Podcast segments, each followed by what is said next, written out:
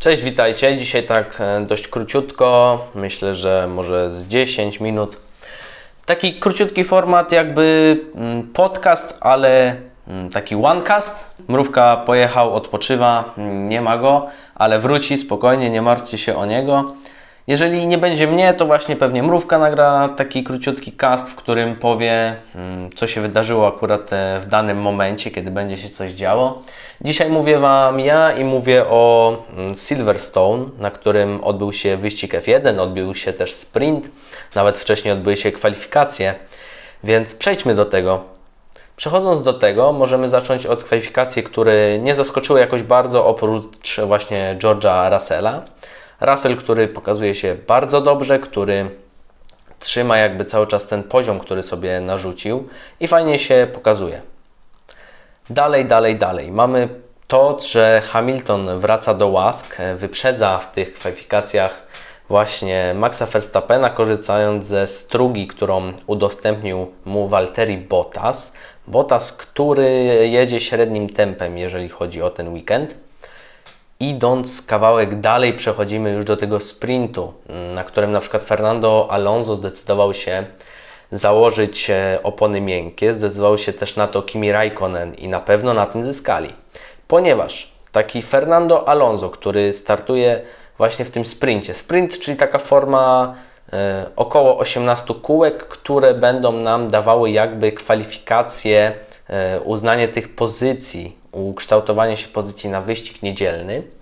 Więc ruszamy do tego i właśnie Fernando Alonso startując e, na miękkim ogumieniu awansuje parę dobrych pozycji i utrzymując praktycznie długą część, to piątą pozycję, spada potem o dwie pozycje i dojeżdża na tej siódmej pozycji, kiedy opony już naprawdę są bardzo zmęczone, kiedy nie ma sił, kiedy daje radę, ale widać ten wielki kunszt po prostu Fernando. Idziemy do przodu, gdzie mamy właśnie Hamiltona, Maxa Verstappena, i tam sytuacja wygląda tak, że Hamilton e, zawala troszeczkę start. E, startuje później, Max wciska się na tą pierwszą pozycję, której już e, nie oddaje do końca wyścigu. Hamilton zaś plasuje się za nim na około 2 sekundy i może spokojnie jechać na tej drugiej pozycji, z czego na pewno nie jest zadowolony. Też Bottas nie stwarza praktycznie żadnego problemu, ponieważ jedzie Mm, słabszym tempem zdecydowanie. Nie wiem, co się dzieje z Walterim, ale to nie wygląda dobrze. Ale przechodząc e, dalej, tak naprawdę nic wielkiego nam się nie wydarzyło. Tutaj większość zawodników korzysta z mieszanki pośredniej. Mieszanki, która zdecydowanie sprawdza się na te 18 lub e, troszeczkę więcej okrążeń. Zdecydowanie zaryzykowali na pewno Raikkonen i Fernando jadąc na tej miękkiej, ale skorzystali na tym i myślę, że byli zdecydowanie zadowoleni, jeżeli chodzi o ten sprint. Max wygrywa, tu nic wielkiego się nie dzieje. Mamy parę takich zmian, kiedy Russell dostaje też e, karę cofnięcia o 3 pola, ponieważ e, no, popełnia taką nieodpowiednią sprawę i to się dla niego źle kończy.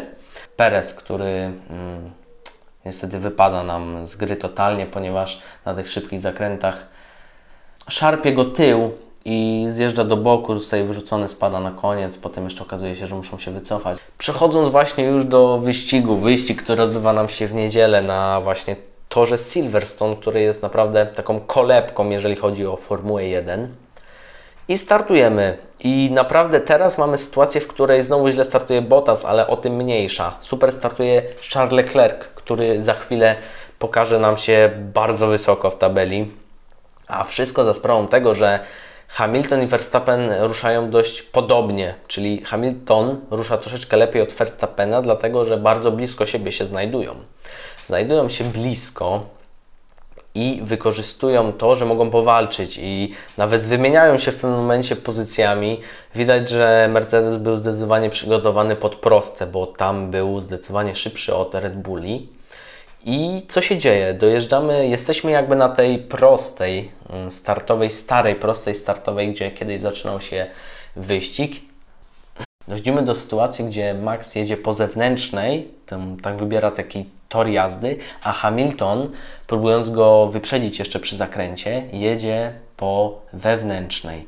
I dochodzi do tego, że chłopaki po prostu no źle to wyliczają, a bardzo źle wylicza to Hamilton, ponieważ za późno hamuje, uderza po prostu swoim lewym przednim kołem o tylnie prawe koło Red Bulla Maxa Verstappena i kończy nam się wyścig dla Maxa. Mm, w tej sytuacji po prostu Max wpada w bandy, bardzo mocne uderzenie. Nie wiemy, co się dokładnie dzieje z Maxem, ale na szczęście, jak już wiemy, nic się nie wydarzyło. Po badaniach w szpitalu wszystko jest ok. Troszeczkę zszokowany, zły na Hamiltona, to powiedział po prostu, że tak nie można robić. I w tym momencie też Charles Leclerc, który mm, ładnie wyprzedził Bottasa szybko dość, mm, Bottasa, który znowu jedzie źle, ale o tym mniejsza. Charles Leclerc, który pojawia nam się na pierwszej pozycji, bo Hamilton też troszeczkę wypada z toru podczas tej sytuacji z Maxem. I mamy safety car, mamy chwilę później tak naprawdę czerwoną flagę, czerwoną flagę, która oznacza nam to, że kierowcy muszą zjechać po prostu do jakby pit lane i tam będą e, czekali na to, aby za chwilę, kiedy wszystko zostanie naprawione, posprzątane, te właśnie bariery i też troszeczkę ogarnięte części, które tam się porozsypywały, czekamy na decyzję odnośnie Hamiltona, bo nie wiemy jaką karę dostanie. No i, ale nie mamy tej informacji. Tam są poprawki nakładane na różne bolidy. Jesteśmy w pit lane, czekamy tam poprawki nakładane na bolidy. Hamilton który ma mm, naprawione taśmą przednie skrzydło. Nie wiem dlaczego akurat tak wybrali, ale widać, to była bardzo mocna taśma.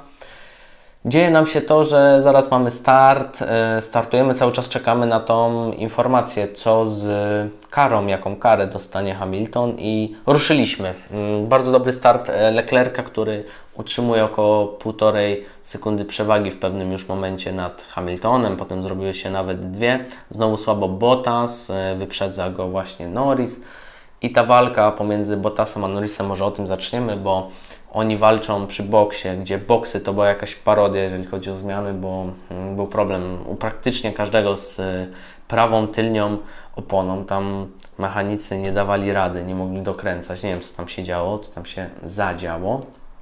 I tak naprawdę Norris traci tą swoją e, pozycję na rzecz właśnie Bottasa przez, przez boks, który był źle wykonany.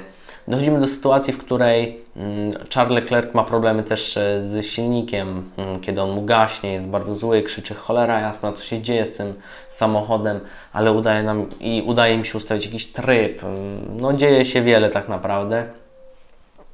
Hamilton nie może dogonić tak naprawdę go. Tam jest taka sytuacja, że w pewnym momencie łapie tam około e, nawet e, pół sekundy tylko straty, ale, ale znowu ucieka mu Charles Leclerc. I dochodzi do sytuacji, kiedy Hamilton zjeżdża do boksu. Mamy informację chwilkę właśnie wcześniej, że będzie to kara 10 sekund. I wjeżdżając do boksu, 10 sekund odbewniają, 4 sekundy na zmianę, więc też dość długo. I co się dzieje? Mm, zostaje na jakby placu gry cały czas właśnie Charles Leclerc, który jeszcze jedzie dwa okrążenia, potem zjeżdża, zmienia te opony, wszystko nam się stabilizuje. Bottas ma około 9 sekund straty właśnie do Leclerca. Prowadzi nam piękne czerwone Ferrari w wyścigu. Ale co, jest, co się dzieje dalej? Hamilton ma jakieś genialne, niesamowite tempo, jeżeli chodzi o zmianę, po zmianie opon. No rusza nam niesamowicie, jedzie bardzo szybko, jesteśmy w szoku po prostu, łyka szybko Norisa, potem niestety Walteri dostaje informację, mm, I'm sorry Walteri, musisz przepuścić po prostu Hamiltona, bo dysponuje szybszym tempem. I co się dzieje wtedy? Tam mm, sytuacja pomiędzy właśnie tym, że Bota stracił około 9, potem 8, potem 7 nawet do Charlesa Leclerca, dzieje się to, że wyprzedza go wtedy Hamilton po tej odpowiedzi, że może to zrobić. I Binotto mówi do Charlesa Leclerca, no stary, teraz tryb wyścig i jedziesz do końca, bo tam zostaje około 10 okrążeń, a robi nam się już e, nieciekawie, jeżeli chodzi o czerwone Ferrari, które no, traci zupełnie swoją szybkość i nie wiemy, czy jest to spowodowane tym, że akurat opony w Ferrari nie dały rady, że mocno były zżerane, czy co się wydarzyło, trudno powiedzieć. No, ciężka sprawa tak naprawdę. I mówimy, no dobra, mamy tam, że za 9 okrążeń dogoni, no to pewnie nie dogoni Hamilton czasa Leclerca, ale jednak ta strata bardzo szybko maleje i, i to się po prostu dzieje na koniec. Charles Leclerc traci tą pierwszą pozycję, ta strata już nawet potem zdążyła się jeszcze pogłębić do paru dobrych sekund. Hamilton wygrywa Teraz mamy do rozważenia mm, sytuację taką, że przecież Ferrari pewnie nie zakładało nawet, że będzie na podium, ale to się udało, więc powinien się cieszyć, ale strasznie klnie na koniec e, wyścigu już po przekroczeniu mety Charles Leclerc, który jest po prostu zły, a właśnie Mercedes triumfuje znowu mając e, dwa swoje bolidy na dwóch pierwszych miejscach. Teraz rozważmy sytuację odnośnie kary. Moim zdaniem ta kara jest e, za mała. Ta kara jest nieadekwatna po prostu do tego, co się wydarzyło. 10 sekund, nie ma maksa, roztrzaskany bolid, zatrzymanie całego wyścigu. Moim zdaniem tutaj mm, troszeczkę inaczej powinno być decydowane o tych karach, że one powinny mieć realny wpływ na to, co mm, stanie się z tym zawodnikiem, który dostaje tą karę, czy rzeczywiście to jakby jest równomierne z tym, co zrobił. Moim zdaniem można było przylepić większą karę, ale pewnie Sędziowie też się obronią tym, że nie, to było ok i tak dalej. Ciężko coś powiedzieć. To jest e, taki wyścig, który nie miał jakiejś e, większej historii, oprócz tego, że po prostu ten początek nam się bardzo skomplikował, po czym Leclerc fajnie sobie radził, ale na koniec to Ferrari po prostu padło. Niestety, szkoda, że padło. I to chyba tyle tak naprawdę, jeżeli chodzi o ten krótki taki OneCast w moim wykonaniu. Pochwalę na pewno takiego Fernando Alonso, który naprawdę fajnie się pokazał, że potrafi zarządzać i oponami, że potrafi dobrać odpowiednią taktykę. No jest naprawdę genialnym zawodnikiem, mając takie wielkie doświadczenie, potrafi po prostu zamknąć twarz niektórym czy źle życzącym mu rywalom, czy też opinionistom, ale mniejsza z tym. Jeżeli chodzi o takiego zawodnika, mm, kierowcę, który był najlepszy, to postawię tutaj na Charlesa Leclerca, który naprawdę tym Ferrari, które nie jest jakiś super, dał radę dowieść drugie miejsce, choć szkoda pierwszego oczywiście. I to będzie mój najlepszy zawodnik.